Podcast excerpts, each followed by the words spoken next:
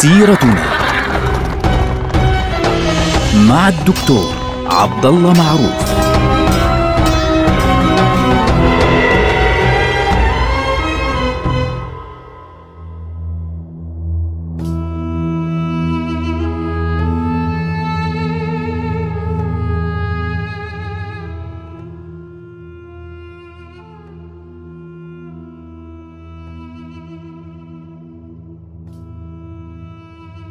السلطان سليمان القانوني واجه في أول أيامه تمردا في بلاد الشام كان بقيادة جان بردي الغزالي الذي يعني فشل في آه، الدخول إلى حلب وهزم على يد قوات السلطان سليمان القانوني الذي أرسل له جيشين حاصراه أخرجاه من حلب وحاصراه في دمشق ثم تم القبض عليه وأعدم.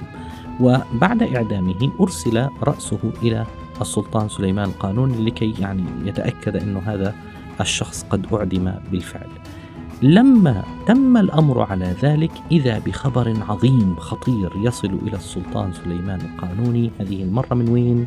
من بلاد المجر تحديدا طبعا إيش اللي صار بالضبط؟ السلطان سليمان عندما استلم الحكم على عادة السلاطين يرسل رسائل إلى الملوك خاصة الذين بينه وبينهم أصلا اتفاقيات سابقة يعني بينهم وبين سلفه اللي هو في هذه الحالة السلطان سليم الأول أو ياوس سليم س يعني يرسل لهم رسائل يتكلم فيها عن أنه والله تم استلام الحكم من طرفي نجدد المعاهدة إلى آخره. فوصلت رسالة من السلطان آه، سليمان القانوني إلى ملك المجر اسمه لويس الثاني. وهذا الرجل لما وصلته الرسالة كان فيها خبر يعني آه، أن السلطان سليمان هو الذي ارتقى العرش الآن ويعني يبلغه بأنه الجزية السنوية التي يعني متفق عليها التي اتفق عليها في أيام والدي يعني ما زالت موجودة كما هي ونتابع كل شيء إلى آخره وبالتالي تدفع الجزية كما كان متفقا دائما. فالمبدأ أنه يرسل له هذه الرسالة بشكل يعني طبيعي أنه مقابل تجديد الصلح الذي بينهما. وإذا بالملك لويس الثاني يأمر بقتل رسول السلطان سليمان الأول مباشرة يعني لسه وصلت الرسالة أمر بقتل الرسول. طبعا هذا ماذا يسمى؟ هذا يسمى إعلانا بالحرب يعني إعلان حرب. بكل ما تحمل كلمة من معنى. فوصل الأمر إلى ذلك لأن هذا الرجل كان يظن أن سليمان يعني أضعف من أبيه لأنه سليمان لساته شاب صغير.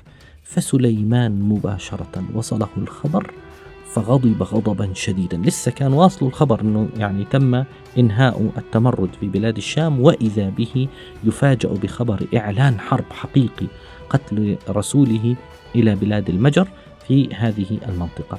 فبالتالي أعلن السلطان سليمان القانوني التعبئة العامة وسيقود المعركة بنفسه هذه المرة. في آه، شتاء عام 1521 يعني بعد تقريبا ثمان أشهر من أو أقل من ثمان أشهر من ارتقائه العرش تحرك السلطان سليمان باتجاه المجر على رأس جيش كبير جدا. هذه المرة كانت يعني هدفه كان واضحا يريد مدينة بلغراد لأن مدينة بلغراد هي المفتاح الأساسي لأوروبا الوسطى وهي أقوى قلعة للمجر على حدود العثمانيين وهي المفتاح لما وراء نهر الدانوب. أضف إلى ذلك أن هذه المدينة يعني إذا فتحت ستفتح الطريق وراءها مباشرة لمدينة بودابست عاصمة المجر وأيضا إلى مدينة فيينا عاصمة النمسا. فهذا واحد. اثنين بلغراد حاول العثمانيون فتحها ثلاث مرات قبل السلطان سليمان. لم يستطيعوا لم يتمكنوا من فتحها لأنها كانت مدينة منيعة قوية شديدة جدا في وجه العثمانيين. فالمبدأ السلطان تحرك مباشرة بنفسه وكان معه كما تروي بعض الروايات أنه ثلاثين ألف جمل تقريبا تحمل معدات الجيش والأسلحة وهناك عشرة آلاف عربة تقريبا تنقل آه، معدات الطحين والطعام والشعير وغيره. فيعني باختصار الرجل جاي وناوي يبقى. يعني بهذه البساطة كان قادما يريد أن يبقى بأطول فترة ممكنة. يعني لن يسمح فعليا بأن يهزم هذه المرة أو أن لا يتمكن من دخول بلغراد وكما قلنا هي المحاولة الرابعة هذه المرة لأن الدولة حاولت أن تفتحها ثلاث مرات وفشلت في عهد السلاطين السابقين للسلطان سليمان القانوني. وصل السلطان سليمان القانوني إلى بلغراد في شهر سبعة يوليو من عام 1521 وبدأ يحاصر هذه المدينة. طبعا الحصار كان شديدا جدا يعني ضربت المدينة بالمدافع. آه، وضعت آه، الألغام تحت الجدران يعني كانوا يحفرون أنفاقا كما كانوا يفعلون عند فتح القسطنطينية يحفرون أنفاقا ثم يضعون الألغام في كل مكان وبدأ القصف العنيف يعني لمدة سبع أيام متواصلة كان هناك قصف شديد على هذه المدينة. طبعا المجريون لما وصلت الأخبار أنه الجيش قادم وأنه السلطان سليمان عنده جيش كبير أرسلوا مباشرة إلى البندقية. البندقية قالوا لهم والله إحنا مش فاضيين. ليه؟ البندقية كانوا فعليا يفاوضون العثمانيين حقيقة آه، بعقد معاهدة تجارية بين الطرفين. البابا كان منشغلا عنهم كان عنده مشاكل الداخلية وأيضا ملك بولندا الإمبراطور شارل الخامس كله كان يعني مش فاضيين. الإمبراطور شارل الخامس أرسل إلى الملك لويس الثاني ملك آه، المجر يقول له أنا أنصحك بأن تبرم اتفاقا مع السلطان آه، سليمان القانوني حتى تكسب الوقت على الأقل لحد ما إحنا نفضى. لكن الجيش العثماني وصل إلى هذه المنطقة. تحرك من ثلاثة محاور. محور يعني من عند آه، صوفيا تحرك محور بقيادة أحمد باشا ومحور من عن طريق ترانسلفانيا بقيادة محمد مولولو ومحور من صوفيا مباشرة باتجاه بلغراد بقيادة آه، الصدر الأعظم اللي هو رئيس وزراء الدولة مباشرة ثم يلتحق السلطان بهذه الجيوش عندما تجتمع حول مدينة بلغراد.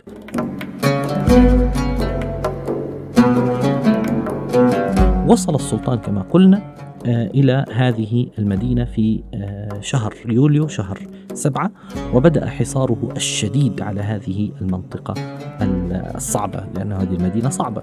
وللعلم السلطان سليمان أصلا كان عنده تكتيكه العسكري إخوان يعني, يعني لماذا يرسل ثلاثة جيوش من ثلاث محاور ولا يأتي هو بنفسه مباشرة بجيش واحد؟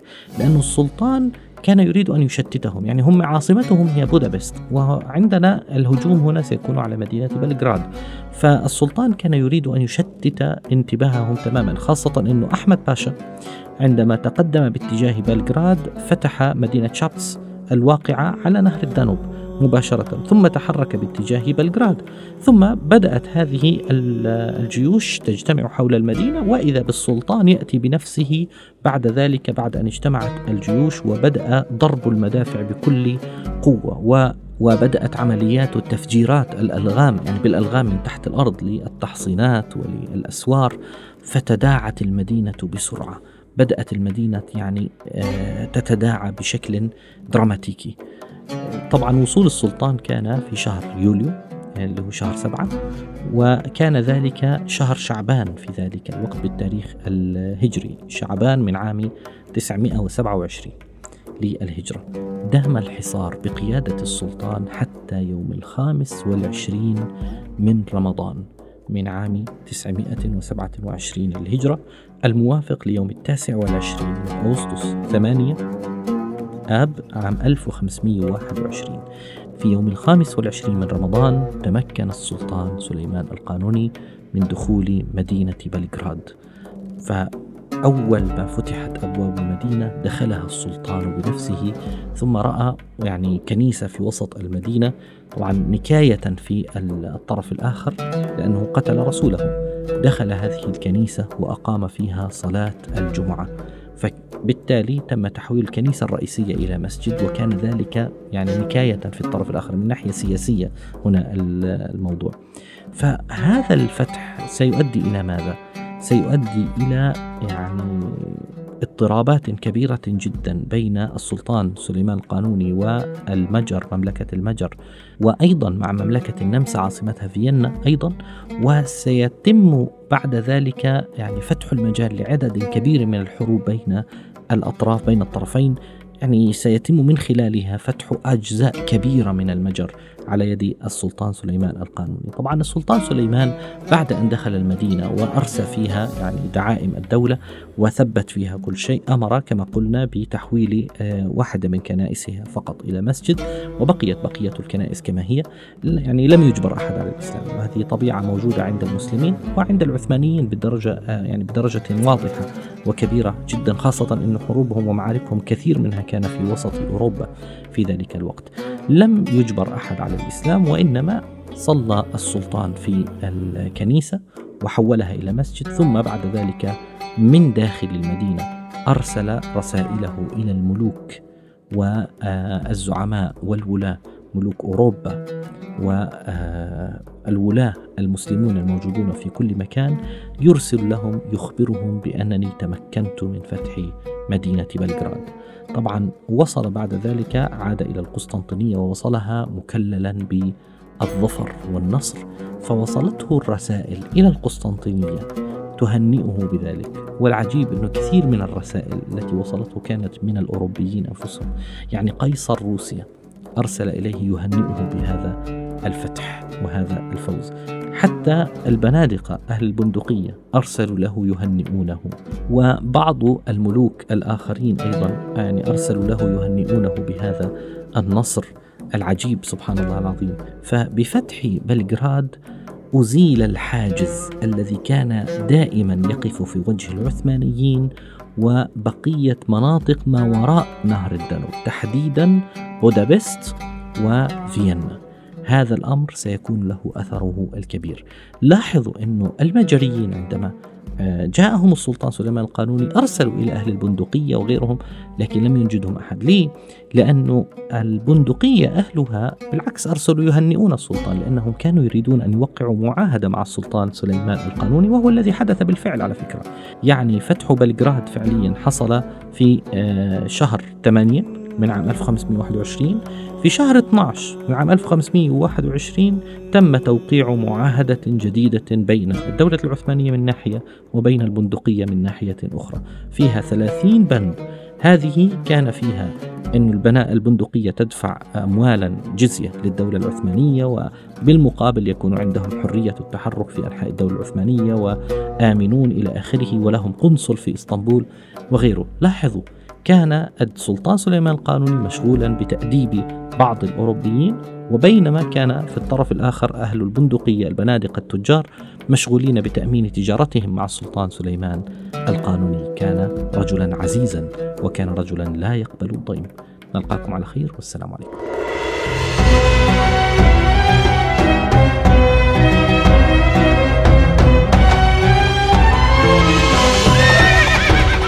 سيرتنا. مع الدكتور عبد الله معروف.